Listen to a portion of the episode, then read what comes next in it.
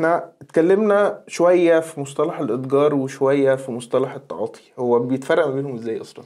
هو ال- بالنسبة للتعاطي اللي هو الاستخدام الشخصي. إن أنا بستخدم المادة ديت كاستخدام شخصي ليا أنا. لكن ال- الإتجار اللي هي عرض المخدر أو السلعة نفسها عرضها على الجمهور. إن هو يبدأ يعرض ال- ال- المخدر اللي معاه بيعرضه على الجمهور. ما بتفرقش في. الكمية مثلا؟ لا ما بتفرقش في الكمية خالص. ممكن تكون كمية بسيطة. أنا كانت معايا كمية كبيرة بعتها.